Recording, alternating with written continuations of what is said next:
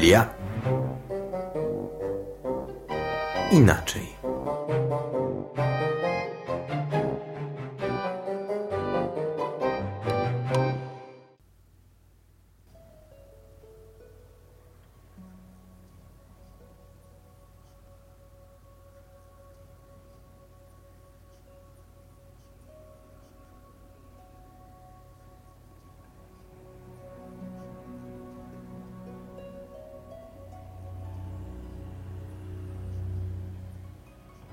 Głęboko gdzieś w lesie, co wilk się go ima, ukryta została mała jaskinia, a z wnętrza jej groźba wciąż złowieszczo dochodzi, więc żaden człowiek do środka jej nie wchodzi.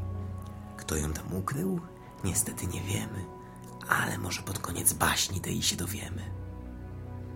Lecz dnia pewnego wędrowiec tam zboczył i do wnętrza jamy tej wkroczył. Dźwięk okropny wciąż z niej się wydobywa. Przyspieszył więc z ciekawością, co w grocie tej się skrywa.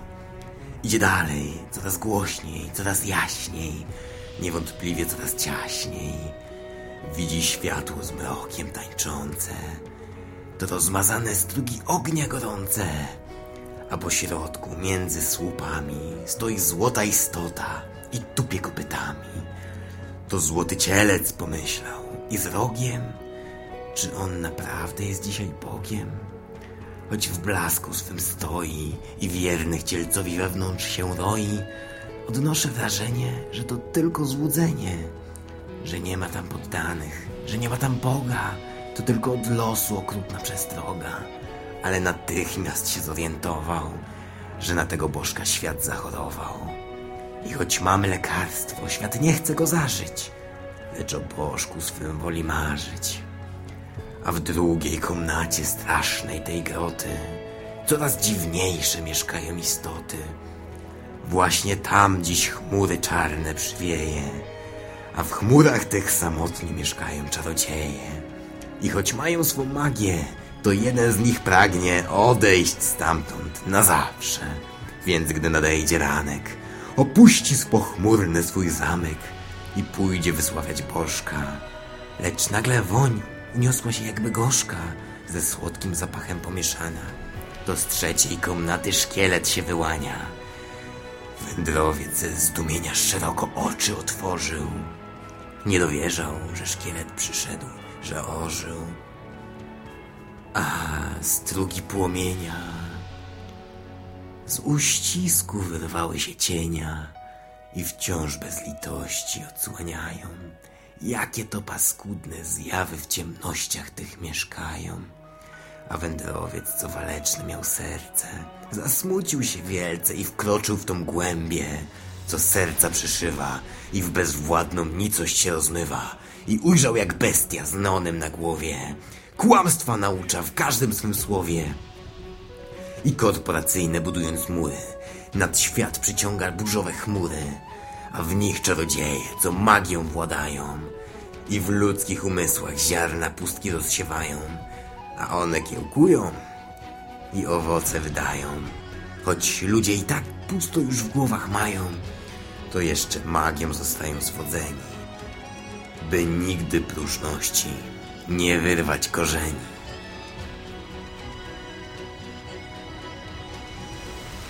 Także tego. Cześć. No tak wydaje mi się, że ten tekst sam siebie broni. Nie jest tak trochę? No jest. Ale i tak przeczytam wam fragment i to trochę większy niż chciałem, ale to tylko dlatego, że jest fajny. E, otworzyłem sobie pierwszy raz Biblię Poznańską i jestem zaskoczony, mile zaskoczony. Myślałem, że to będzie takie słabe tłumaczenie, a tu nie. Ale nie. No dobrze. E, fragment z listu do Koryntian, nie do Efezjan. To zaczynam. A więc mówię wam i zaklinam w Panu, abyście już dłużej nie postępowali jak poganie, którzy żyją w próżności umysłu, a przybywając w prokach poznania, nie mają dostępu do życia Bożego z powodu trwającej w nich niewiedzy i zatwardziałości serca Zatracali oni wyczucie tego, co szlachetne tarzając się w rozpuście, oddając się bez opamiętania wszelkiego rodzaju nieczystości. Ale wy nie tak poznawaliście Chrystusa. Słyszeliście o Nim i zostaliście pouczeni zgodnie z prawdą, która jest w Nim, w Jezusie, że trzeba zrzucić siebie starego człowieka z jego dawnym sposobem życia, którego zwodnicze rządzy doprowadzają do upadku, odnowić ducha i myśli, przyoblec się w nowego człowieka stworzonego na obraz Boga w sprawiedliwości i w prawdziwej świętości. Dlatego odrzuciwszy kłamstwo, niechaj każdy mówi prawdę bliźniemu swemu, bo jesteście członkami jednego ciała. Możecie się gniewać, ale nie grzeszcie. Słońce niech nie zachodzi nad gniewem waszym. Nie dawajcie przystępu diabłu. Kto kradł, niech zaprzestanie kradzieży i zarabia i zabierze się do pracy, zdobywając własnym trudem pieniądze, aby mógł udzielić potrzebującemu. Niech z ust waszych nie wychodzi żadne brzydkie słowo, lecz tylko dobre, potrzebne ku zbudowaniu, by przynosiło łaskę tym, którzy go słuchają. Nie zasmucajcie Ducha Świętego, Boga, który was opatrzył swoją pieczęcią na dzień odkupienia. Wszelką gorycz, wybuchowość, gniew, krzyki, przekleństwa i jakiekolwiek zło, niech u was zniknie. Bądźcie dla drugiego dobrzy i miłosierni. Wybaczajcie sobie nawzajem, jaki wam przebaczył Bóg w Chrystusie. To jest 4, 17, 32. Tak, Efezjan. Co do Złotego Bożka, to myślę, że wszyscy czają. To mówił Waldek Graban, to ja, ja, ja, tak. I do usłyszenia w, w środę za tydzień. Hej!